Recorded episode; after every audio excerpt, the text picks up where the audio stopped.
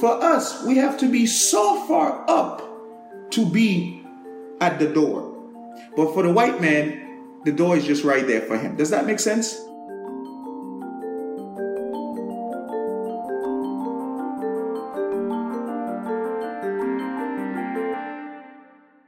Thank you for tuning in to Nyla Podcast. I'm your host, Karolis Vyšniauskas, coming to you from Vilnius, Lithuania. I can't breathe. I can't breathe. I can't breathe. I can't breathe. No white police. No white police. No white police. No white police. No peace!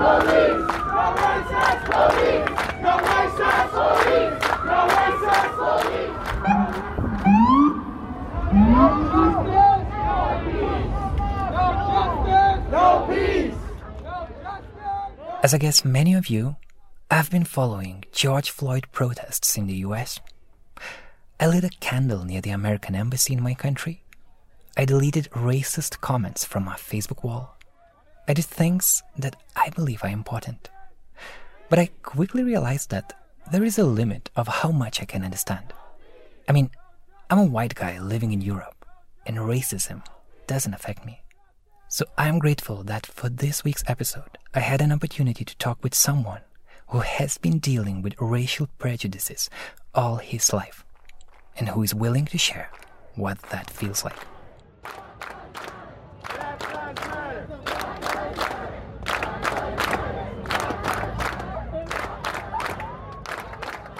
And how can I pronounce your because I know you as Roosevelt, but you, but, but I, I'm not sure if I know how to pronounce his surname. Well, yeah, my surname is is, is kind of interesting. So it's a mix. It's a French name. Um, so it's pronounced Ducelis, D U C E L U S. So Ducelis, Roosevelt Ducelis. I met Roosevelt two years ago when me and 48 other journalists from 47 countries, from Brazil to Estonia to Mongolia, we all visited the US our goal was to learn about journalism tradition in this country. The program was organized and financed by the US government. Roosevelt was one of the liaisons there. For many of us, it was the first time we visited the US. Roosevelt and his colleagues made sure that we felt safe and happy. I'm still an international liaison with the U.S. Department of State, um, and I also work privately as a uh, as a uh, business consultant. Um, I consult with businesses um, here in the local Atlanta area and also abroad in Africa and, and the Caribbean. So these are the things that I do currently.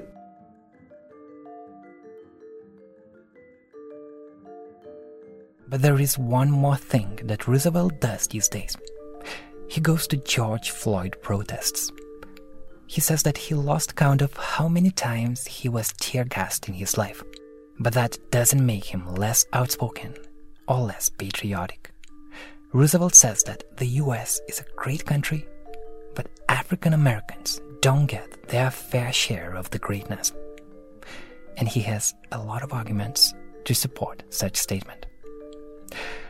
I learned a lot in this conversation, I asked questions that I think are important to ask, and I'm glad to be able to share it with you. Well, first of all, allow me to to officially say thank you, and I truly appreciate you wanting to chat about this and wanting to wanting to just find find out some more. I think I think such inquisitive such inquisitive nature is what you know uh, a lot of us are lacking. Right? We see something because it doesn't pertain to us, because it's not about us, we don't care to find out more about it. So therefore, we we close our ears, our eyes, our pockets, and our hearts to these type of issues and then hope and pray that they go away, which is not how things work. So, so I, I truly appreciate you and your colleagues for for wanting to chat with me about this.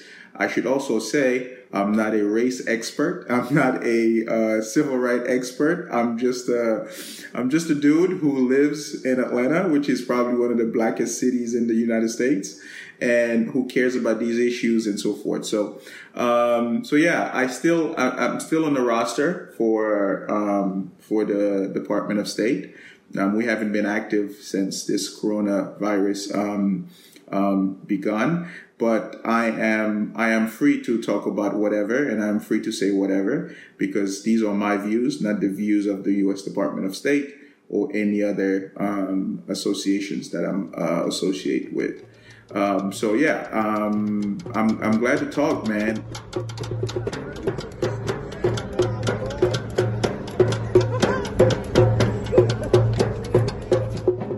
The sound that you're hearing now is a recording from Roosevelt's phone.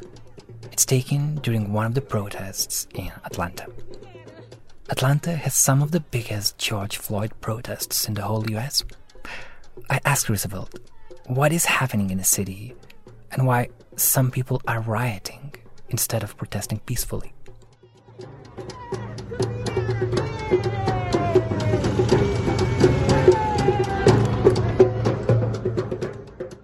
Well, I mean, what's currently happening in Atlanta right now, it's not just happening in Atlanta, right? It's happening all over the world. Um, I just saw a clip of uh, somewhere in Brussels. Some people were protesting in Brussels. Some people were protesting in Europe, all throughout Europe. Um, I saw a video of pro- people protesting in Canada. I saw videos of people protesting all over the world. So what's happening in Atlanta right now is not just in Atlanta, as I said, but what's happening in Atlanta is something that Atlanta has seen before, and most likely, and perhaps unfortunately, is something that Atlanta will see again. What's happening is a group of people that's frustrated, and these people have been deprived of a lot of things for a long time. And the large majority of these people are black people. Either you call them African Americans, either you call them, you know, blacks, whatever you call them, but predominantly they are black people. And what what's happening? Of course, you heard about the killing of a of a of a man out in Minneapolis. I don't know when you were in the program if you visited Minneapolis. I'm not sure. No, no, I didn't. I visited Kansas. Oh, you were in Kansas. Oh God, man! Some of your colleagues went to Minneapolis, and uh, Minneapolis is in the state of Minnesota. They usually refer to it as the Twin Cities between Minneapolis and St. Paul. Um, the, the, uh, so there was, I mean, not to go into great details, but there was a man who believed to have committed a crime, and may I put in quotations, a white collar crime. Now, the, why do we say a white collar crime, and why do we put that in quotation? Is simply because here some crimes are considered to be white collar, and what that means is that this crime is just somebody you know, using their brain to do something, but they're not really hurting anybody. They're not really physically harming anyone. Like, for example, if I if I traded my stocks and you know I had a lot of stocks and I knew the stock market was going to crash. And then I, I traded my stock before you know the stock market crashed and I didn't lose any money. That would be considered to be a white collar crime right? Because um, because I'm not technically hurting anyone but I'm just doing something that is against the law you know that that perhaps a smart person would do but it's still a crime. So what this guy was was um, was uh, accused of was writing a bad check, which is in the common American law that files under the code of perjury. Um, um, so uh, they they they you know I guess somebody called and said this guy uh, I'm not sorry not not perjury but forgery. Um, somebody called and said that this guy wrote a bad check. Um, and the police came, had a conversation with him, and the next thing you know, he was on the ground. They said he was resisting, but nobody has been able to see any video of him resisting. And um, so next thing you know, he's on the ground. Uh, the, and then, of course, the world sees the rest of the picture. So people are angry. Um, the people that are angry are mostly, you know, like I said, mostly black people. And what's happening with the riots and with the breaking of stuff. See, it's one thing you have to understand. I don't know if you experienced this, this in your country, but Martin Luther King, who was an icon for the civil rights movement, who passed away, who was killed um, due to racism, he, he, he has a line where he said, Riot is the language of those who are oppressed, right? So when people riot, when they demonstrate and they riot, they're not rioting because that's just what they wake up every morning, you know, eager to do. But when nobody's listening to them, they have to attack the establishment. And when they attack, the, you know, the establishment doesn't listen to you know, typical conversation. The establishment doesn't listen to the type of conversation that you and I are having right now. The establishment mostly responds to when they see tremendous chaos, right? And, and the reason why they respond is they respond, I should say, is only in an effort to save themselves. So people go out in the streets, they demonstrate and they break things because they are tired. They are really, really, really tired. And think about it these people have been doing this type of stuff since the 1920s. There've been these type of demonstration. 1920s. Do you understand how far back that is? We are in 2020. The 1920s. These folks been demonstrating. They've been they've been protesting in the streets, and the conditions have only better just a little bit. Before, as a black man, I could not walk down the street. If a white man was walking down the same street, I probably would get killed. Okay, they don't do the same thing anymore, but my rights are still, you know, my rights are still not respected as they should be in a society that proclaims to be a very equal and, and democratic society. So I don't mean to be long winded, but what's happening right now is people expressing frustration that's been built in for so many. And let me let me make this one point too in the last I don't know how many years now, uh, since video cameras been you know frequent throughout the world, almost every year in the United States there is this issue of police killing, police killing black people, or if it's not police, it's just random white people killing black people. The only thing that's that's making the difference now, because it's been happening for years, now people are capturing it on camera. You got to remember when Ferguson happened, this these same protests were happening. When Trayvon Martin got killed in Florida, these same protests. So this is nothing new. This is just the same story repeating itself, repeating itself, repeating itself. So I guess the question is, where does that lead to? Because if it's like watching it from from outside, it seems that there is just no progress and are you hopeful that this can lead to something good? I would like to be hopeful. I would like to be hopeful. But this country has taught me and has taught the world that when you deal with racism in this country, hope and is not something you can truly be dependent on. Here is why. We live in the most capitalist driven society there is. And the only thing people respond to here is money. Okay? Now, your question might be, well, Roosevelt, what does this have to do with this riot that's happening? Well, when you when you looking at the riots or you're looking at the looting, you're looking at all this, some people are more offended by the looting of people losing money than they are when they look at poor black kids getting killed. I'm going to say it again. Some people are more offended, they are more disturbed by somebody taking something from from from from from, from a Gucci store, from a AT&T store, from any store, right? Than they are by seeing the knee of a police officer on the neck of a man that's keep that kept saying I cannot breathe. So when you have a society where money and economic interests and you know property reigns above the life of a black man you can be as hopeful as you want to be but realistically the society itself has to change right? Because you think about it in this country black people african americans whatever you want to call them they make up close to 18% of the population right? 18% however that same population of all people who goes to jail, African Americans and blacks, or blacks, however you want to call it, makes up 67% of the jail population. Okay? So I am 18% of the population, but I make up I make up 67% of the in prison population. And when you ask yourself how many inhabitants roughly you have in Lithuania, 3 million. In the incarcerated population, the incarcerated population in the United States is among the 10th to 15 million people. So, four times or five times your population is in prison here. And majority, 67 of that, of that population are blacks. So when you when you think about this, when you analyze this. So you really have to understand the problem is not just what you see today. Because the problem has been, I mean, America has has failed to repair the damages of slavery and, and segregation and Jim Crow for so long. And now you have a group of black people that says, you know what? Not only I'm not getting any equality in the justice system, not only I'm not getting any equality in the economic system, not only I'm not getting any equality in the in the education system, not only I'm not getting any equality in the healthcare system, I'm not getting any inequality nowhere. The only place, my dear friend, black people are leading are criminal justice and going to jail and maybe hip hop and sports, basketball and football.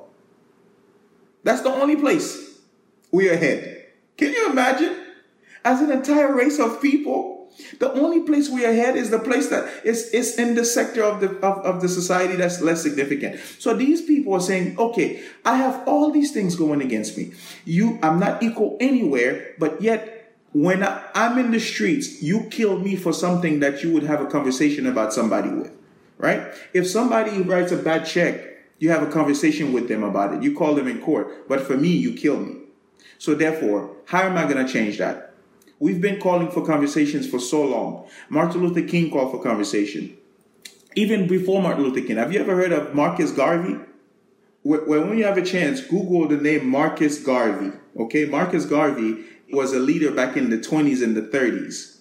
He was calling for conversation. W.E. Du Bois was calling for conversation uh, Douglass was calling for conversations.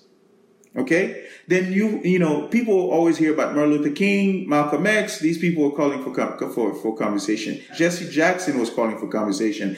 Um, the the Honorable Elijah Muhammad was with the Nation of Islam was calling for conversation. You had um, Minister Louis Farrakhan was calling for conversation. Obama was calling for conversation.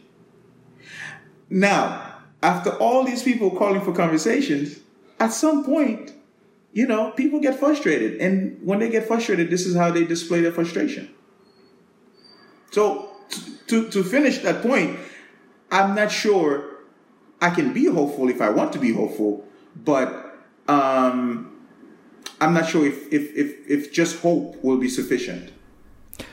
I guess there are people who think that if only you try hard enough, you can achieve like anything. And looking at your own situation, you work with government programs. Maybe for some people, it can look like, look, Roosevelt made it. He tried hard and he made it. So it kind of sets example that it is possible. Eh, that's the conversations that we are having here in Lithuania about people who are living in a poor conditions, like who don't earn as much money as others. Some people would say like if only they would try harder, they can do anything. It's it's all like all the opportunities are there. And uh, how do you, what do you think about that? Do you think that that's a valid argument? I think it's not a valid argument because let me let me tell you who introduced me to this job. A guy by the name of Benjamin Davis. Benjamin Davis is probably the best law professor and the best legal mind I have seen in my education tenure. He is a lawyer who graduated from Harvard University. He was a law professor in my college and he was brilliant. And he was able to get in and he said, okay, let me introduce you to some other black people. Now, the guy that I, the next white guy that I work next to, guess what? He barely made college. So my point is, for us, we have to be so far up to be at the door. But for the white man, the door is just right there for him. Does that make sense? Listen, for me, I have two master's degrees, two bachelor's degrees, 10 years of active duty military experience. Okay? Mm. I speak five languages. Je parle français. I speak English. Eu hablo espanhol. Me falo creole. Eu falo português muito bom. I am working in the Office of Language Services, but I'm not even at the supervisory level. And the person who's there can barely speak one language. To show you the level of discrimination, of to show the level of bias, of injustice, and inequivalence there is just in something as simple as that. Do you understand? So for the black for the for the black man, you have to run 500 miles when the white men only have to run 10 miles. So it's not the fact that yeah roosevelt made it he can work he he he did this he did this he did this he did this. Yeah that's one person. That's one person. And even that one person i am perhaps part i mean I'm, i do not mean to be braggadocious. I'm not talking about myself because i think i'm no no no no. I just i'm just giving you an example. I have to be that far better that much better than my average white colleague.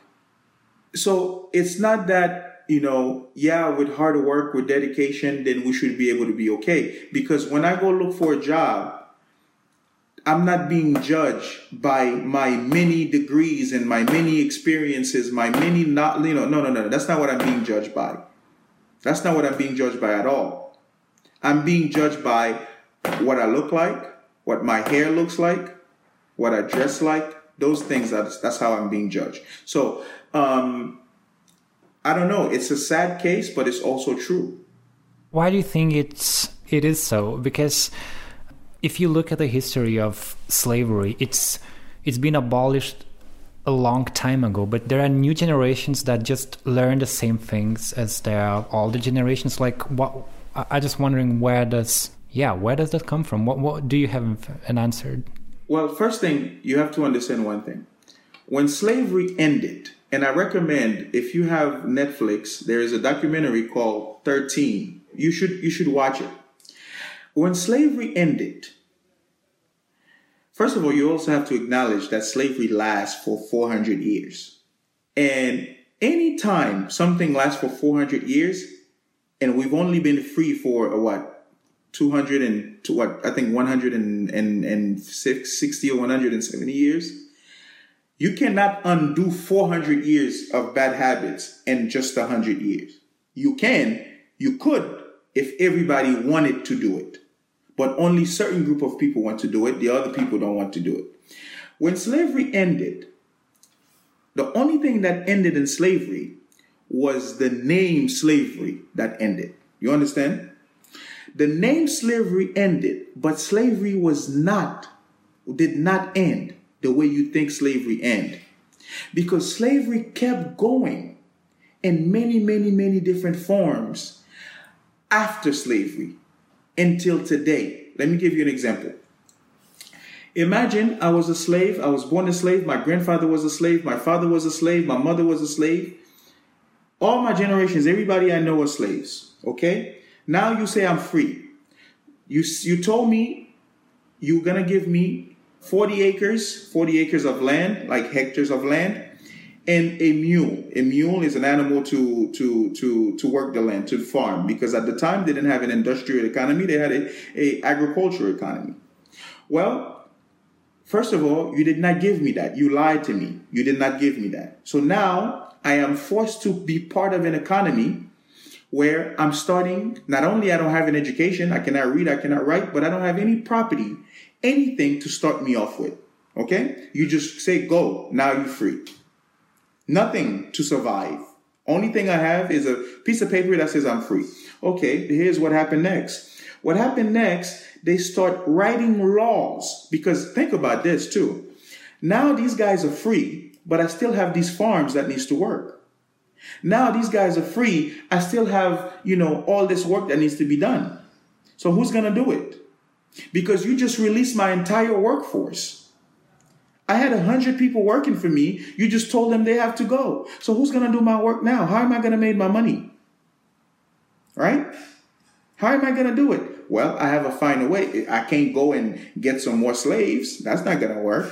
I, I mean, there's only few white people, and the white people are not gonna. They cannot do this kind of work because they tried it before and they died.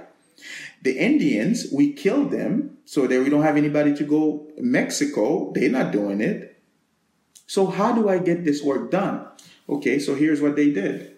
They said, okay, even though they are free, how do I get them back into the plantation? they started doing it through the law. Now you see the connection? I told you in the justice system, in the legal system, it's there there's so much racism in the justice in the legal system, my friend, you would not believe it. So how did they do it? They do it, they did it through the law. They said, okay, how do I get these guys back in slavery? Well, the 13th Amendment, which, which freed the slaves, said the only way that a person can work for free, you know, labor is if they are in jail or in prison, incarcerated. So that's the then you know the United States is known for loopholes, right? This is what we do. As a smart lawyer, I got to find a loophole. As a smart accountant, I got to find a loophole. As a smart anything, I have to find a loophole, right? So they find a loophole through the law. So what they did was they said, okay, well, we're going to start writing law criminalizing most things that black people do.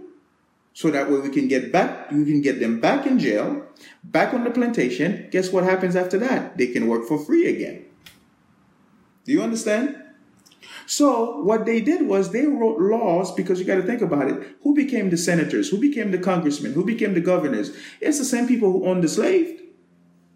You know, they were not bringing new Englishmen from, from England to become the governors. They were not bringing, you know, new people from, no, it was the same slave owners who became the senators, the presidents, the, the congressmen and so forth and so on, the mayors, the governors. So what they did was they wrote laws. Do you believe at a time not having a job, not having a job as a black person was considered a crime? And you can go to jail for that. So I don't have an education. You're not going to give me a job, but I go to jail for not having a job. And then they put me on the plantation and they put, because then guess what happens again? Where do we get these jails from? How do I go, if this guy is a private citizen, how does they take me from the jail to work for him? This is where private prison comes from. You hear about private prison in the United States, don't you? Private prison comes and say, you know what? I have this big land here I have this large amount of land. The state of, I don't know, the state of Georgia is looking to build a prison. Hey, come build it on my land. You can build the prison right here. These guys can live right here. And guess what else they're going to do right here? They're going to work right here. Hmm. So basically, it's it, it's back, back. You are back to plantation. It's just that now it now it now it's legal. Exactly. You back to the plantation, but now it's done legally. My dear friend, black people were going to jail and still going to jail for crimes that you would consider funny. Yeah, but with George Floyd, it started with 20 dollars banknote, right? It, it, it's it's but it's comical. It's comical, and pe- white people would accuse, especially white women during that time, they would accuse black men of looking at them. They would get arrested for looking, looking I'm sure you heard of Emmett Till. Emmett Till got killed. He was a teenager. He got killed for looking at a white woman, not touching, not raping, not smelling, looking. When you are that way and you have children, guess what you teach to your children? The same behavior. Guess who becomes the managers, the directors, the, the employers? These same people. So the cycle repeats itself again and again and again and again and again because there's never been a revolution. Right? What happens with revolution? Revolution says, okay, everything that was here before, gone. Now there's a new system. There's never been a revolution in the United States. And do you think it can happen Maybe, maybe this is the start of it. Maybe, maybe. But did you see what the president tweeted the other day? He said they tried this at Occupy Wall Street. You remember when Occupy Wall Street was a thing? And then what happened to Occupy Wall Street? The police came in. The, police came in. They destroyed the revolution. And even now, listen, I'm not that much older than you, and I, it's not like I know any more than you do. But I have read and I have witnessed some things. I have, I mean, I lived in, I lived abroad when I was very young. I lived in Haiti. I was born there. Um, and I lived in Africa. I've been in the military. I've been to wars. I see societal changes. when you have a revolution, or when you have, you see, the thing about the United States too, we always support revolution. You remember Tahrir Square? You remember, you know, Iraq? You remember Egypt? You remember Libya? You remember Syria? We always good. We always, man, we need a good revolution in this place. But, but when it comes to our revolution, we like, nope, we don't need a revolution because what happened? Let's say this was the start of a revolution. Imagine imagine you you on you on you on Instagram, you on you on Facebook, you see the way even with this protest, how the police are killing people or beating people or you know all these things with this protest. Imagine if that was happening in lithuania. Imagine if that okay let's not put lithuania because that's a majority white country. Imagine that was happening somewhere in africa. What do you think the, the, the, the white american powers would say oh, these people are brutalizing their own people. We have to come in and help. Right? Look, look what's happening in Hong Kong. What are we saying about Hong Kong? We're saying, no, we gotta, we gotta, we gotta talk to the Chinese because they're beating people in the streets. Well, good God, you're doing the same thing in Minneapolis. the Chinese are trying not, the Chinese are not talking to you about that, are they? The Chinese are not calling you and saying, hey, you know, people in Atlanta are being, you know, beat up by the police. Is the Chinese talking to you about that? Is the European Union talking to you about that? No. But if it happens somewhere else, we have the moral obligation, my friend. We have the moral obligation to make sure you and your 3 million inhabitants in Lithuania do not get harmed by your government. But me and my 300 million people, we can get harmed whenever they want, however they want, and they doing it because they use the word law and order. I, I don't know. I don't know. I hope it's the time for the revolution. But my friend, the way history has its way around here, it will be hard because the system is so strong even the people you would not even think supports the system because the system works for them and they don't know anything else. They don't know anything else. Imagine, imagine in this country, imagine if people were truly equal Imagine your $300 million house, your, your fancy cars, your nice houses, your, your established life. Imagine if somebody come to you and say, you did not do anything to earn this. You have to share it with the rest of the people or the people should be equal. Ah, my friend, that would be a hard conversation to have, right? So therefore, I need to keep the system the way the system is because the system benefits me. And like you said earlier, if you, you want to be part of this? You work hard. You work hard all your life. Maybe I'll give you a little taste of this wonderful system.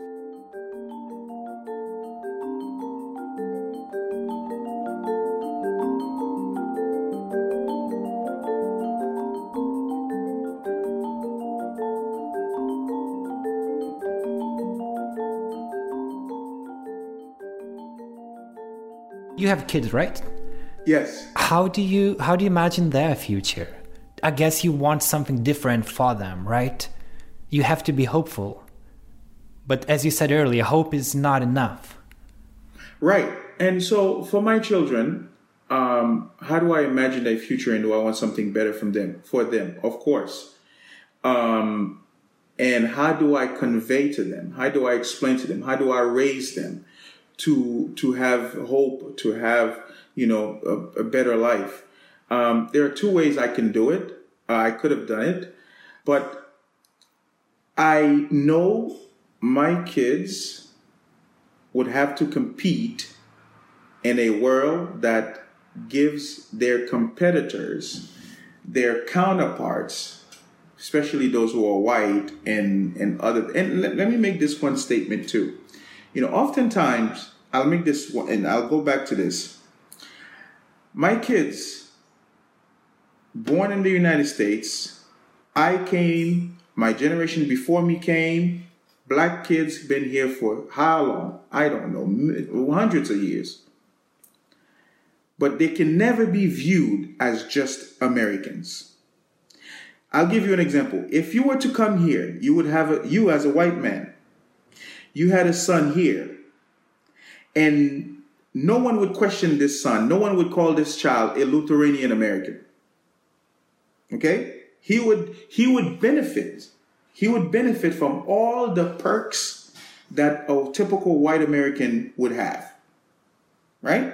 No one would see him and say, mm, I don't know, man, you look Lithuanian. You have you have a Lithuanian, you know. I, no, no one would ever question this child. No one would ever question this child's patriotism. No one would have ever questioned this child's motives. No one would ever question this child's intentions and how much this person loves the United States and how much this person can contribute to the United States. No one would ever tell this child to go where you come from. But me, my children, they, we could be here the same time as your child, and we, I could have sacrificed more for this country than anybody else.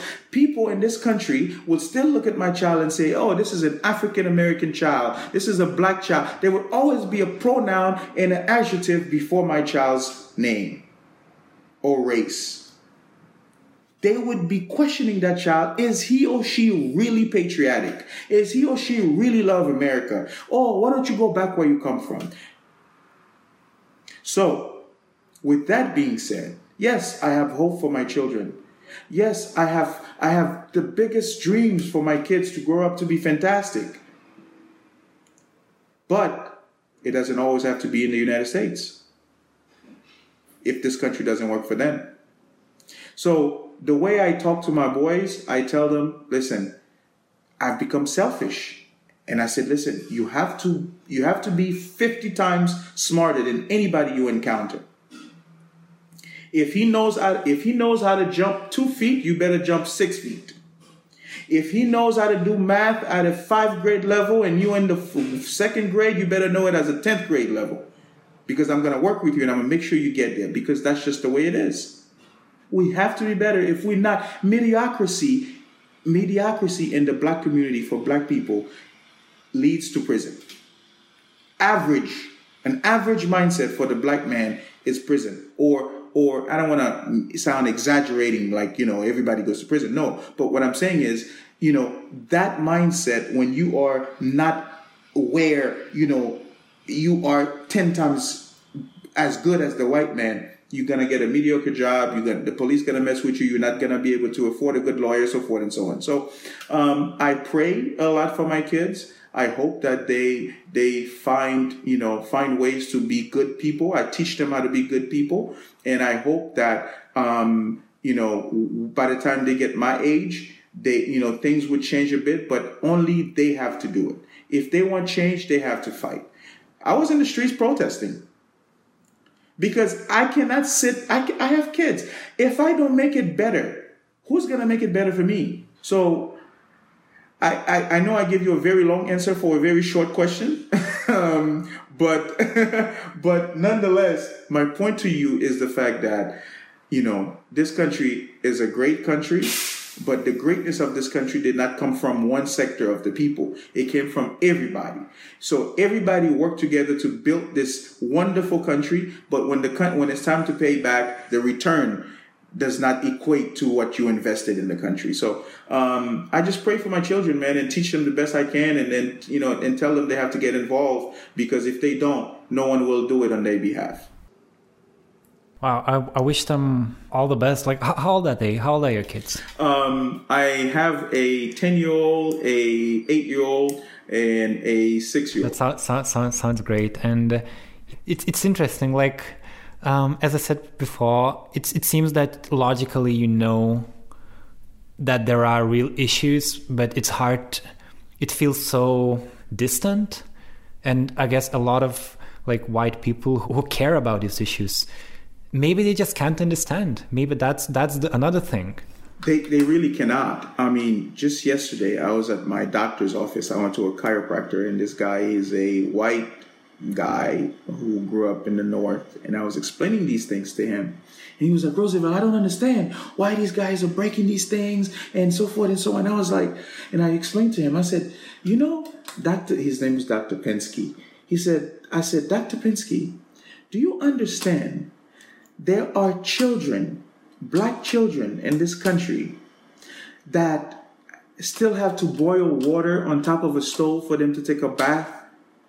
They don't have hot water, they don't have electricity in their house. Do you understand there are children who wake up in the morning, they don't have electricity, they have to wait for the sunlight to come in their house so they can see to get ready to go to school? In this great country, in this country, we have so much money to help everybody else. We have so much money to fight wars. We have so much money to do everything else. But there is a sector of the population that is continuously being neglected. Would you, would you, would you, if you saw your country, if you saw your country of Lithuania doing all these amazing things, all these amazing things, but yet your education is still subpar, how would you feel? And he could not understand it because he's always lived a privileged life. He's a doctor, and his response to me, his response to me was, Well, you know, I don't think this way. My daughter went on two dates with two black guys. I said, Wow, that is that is freaking amazing.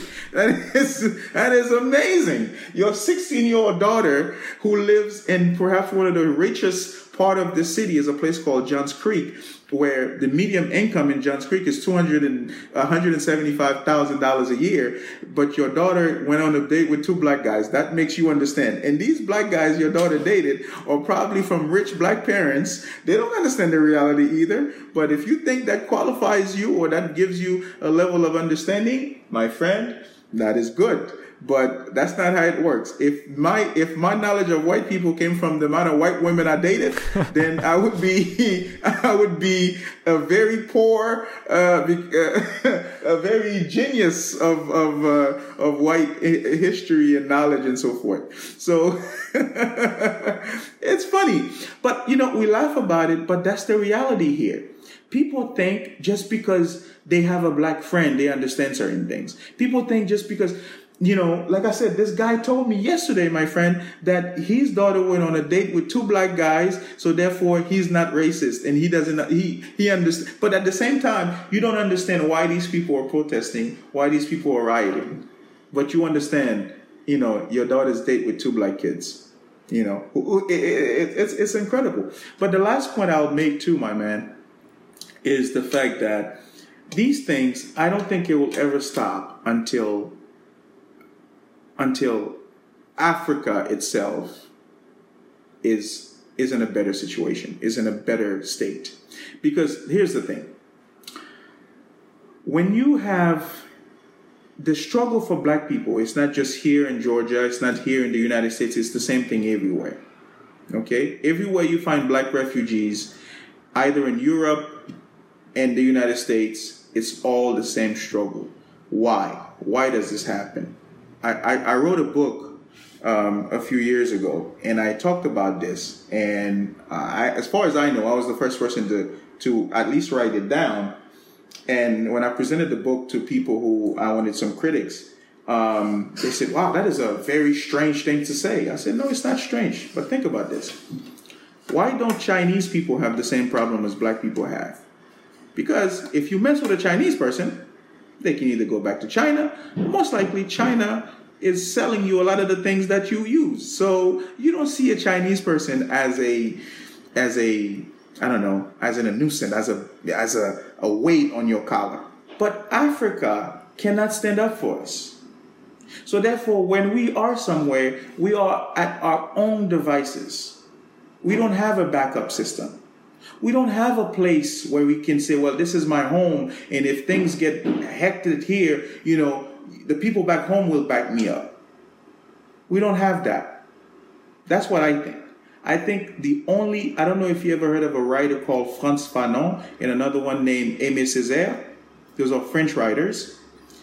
They talk, they talk about this common struggle for the black person wherever they go and and i did i saw that and i said okay well the common struggle is because we all have a common place of origin and that common place is struggling. So there is a there is an idea there's a proverb in the in the creole language the creole language from martinique haiti and guadeloupe. There's a proverb the proverb goes like this. Bat tan metli what that means in english is if you beat the dog but wait for its owner. And what that means is that literally it means beat the dog and wait for its owner. But what that means is that if you harm me, if you harm a dog or who you harm me, and you wait for my owner, my owner is going to take revenge. My owner is going to let you know you did the wrong thing to my dog or to my child or so forth and so on. If you have a, if we had a strong owner, if we had a strong parent within Africa, anytime somebody does something to us, they would know, you know what? If I mess with these black folks, at some point I'm to have to deal with Africa. And I don't want to deal with Africa because Africa is not to be nice to me if I mess up, if I mess with his or her children. So Therefore, if Africa cannot harm me, I can mistreat their children, nobody's to punish me for it. Nobody's to vindicate me for it. So therefore, I don't have to worry about any consequences.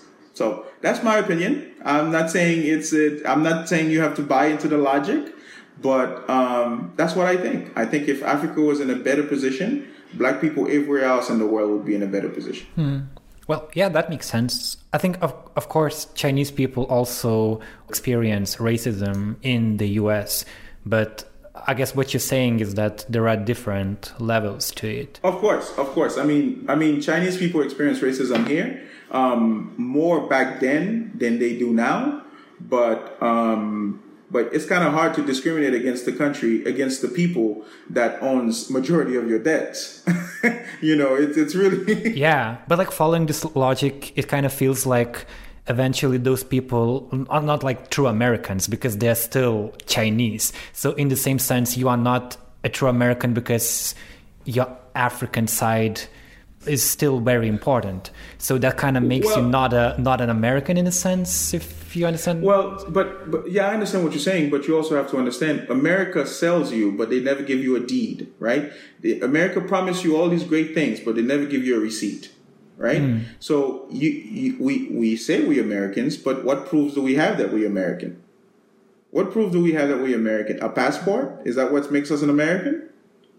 Huh? If it's a passport, then just come here and get a green card and leave for five years, then you're an American. I mean, if that's if that's the if that's it. But the ideal of America, the the the the you know, and and why are we why are we criticizing in America America and we don't criticize China? for for what they do because Chinese during the time of the COVID nineteen thing they were mistreating black people too, right? Why are we not criticizing them? Well, because America put herself in a moral leading position, right? America put herself in a position that says, I am all good, all right, all perfect, and I will punish you if you're not perfect, but yet I'm lying. That's the reason why we criticize it. We're not criticizing it because, you know, we don't think, you know, she she cannot be imperfect. No, she has the right to be imperfect. But at the same time, if I know I'm imperfect, I cannot then dictate to everybody else how they should be perfect. Right? So you're right. If if following that logic, it seems like you know Chinese are not Americans or, or African Americans are not Americans, and in essence, are we? If we're Amer- there are some people here they just call Americans. Okay, and these people are not African American, they're not Asian Americans, they just call Americans. Who are these people? Where are they from? Did they own this land prior to anybody before they? No, they came from somewhere too. Then why are they considered only Americans and the other people have to have a pronoun and, a, and an adjective before their type of American? Well, the reason for that is because they have to cut you in little pieces to digest you. I can't just be Roosevelt. If I'm just Roosevelt, then that means I'm equal to everybody else who named Roosevelt. But no, I have to be Roosevelt, the black African American Haitian refugee, blah, blah, blah. I have to have a lot of things behind my name. So that way I know I'm not just an American. It's still hard for black people to vote in this country. In 2020, in 2020, close to 60 years after the Civil Rights Act. So, are we really Americans? I don't know. I don't know. I'd, I'd leave that question to the people who who who think they are pure Americans. I don't know. You know what I mean? If we if we're still Americans, why is our president still referred to us as my African Americans? why do people still feel sorry for us? And, and, you know, oh, we have to go out there. Why do we still have to say Black Lives Matter if we are Americans? Why don't we just say American lives matter? These are things we have to think about.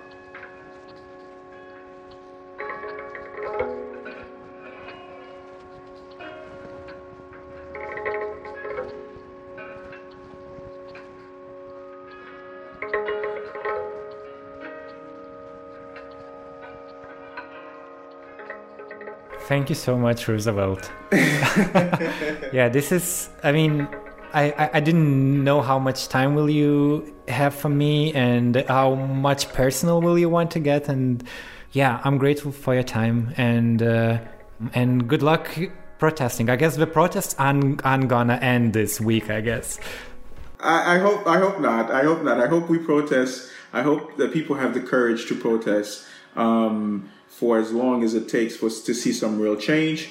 Um, I, I, I, I, mean, every time I have a chance, I go out and I, I join the protest. But sometimes, you, of course, you have to be careful because you know the police are very brutal, and um, and I've been tear gassed so many times, and and, and uh, but it's fine. Yeah, of course. Of I guess course. you were you, you were trained for that uh, in the in the military. Yeah, you you yeah, know what yeah, to do. exactly. Uh, it happens, but once again, if we don't do it, who will? Right? We have to do it. We have to do it. We must do it, and we shall do it. Um, but thank you to your listeners. Um, big, big, big greetings to them, and I hope um, this small conversation they were able to uh, take something from it. Um, by no mean I hold uh, any type of superior knowledge uh, or superior understanding of these issues, but I simply speak from my experience, what I've experienced, what I've seen, what I've what I've lived, and what I know to be true based on those experiences, and sharing it with your with your audience. And I hope um, they never have to experience these things. Um, and I trust that they keep well and do well and stay safe and um, and hopefully uh, another time we'll talk about a, a, subject or a topic that's more that's more uh, in, you know more happy and exciting and other issues than this grim and sad issue of racism in this country. I hope so too. Thank you so much, Roosevelt. Stay safe and stay strong. Absolutely. Thank you and enjoy the rest of your day as well.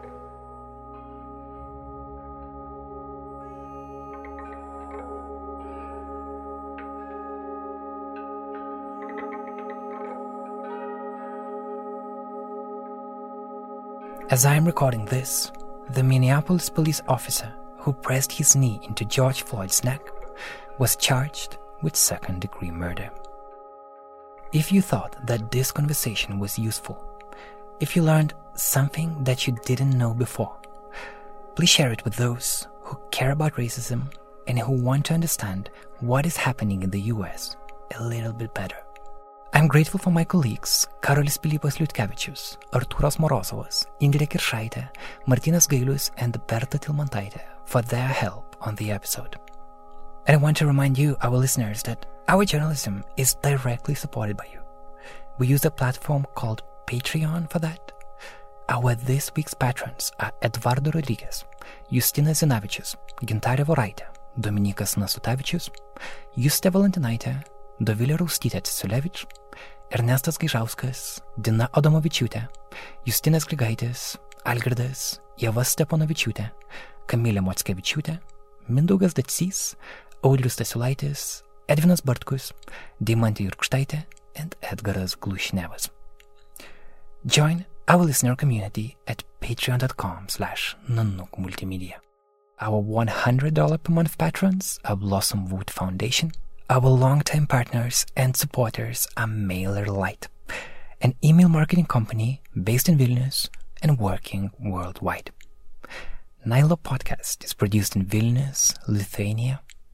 My name is Karolis Vyšniauskas. Talk to you soon.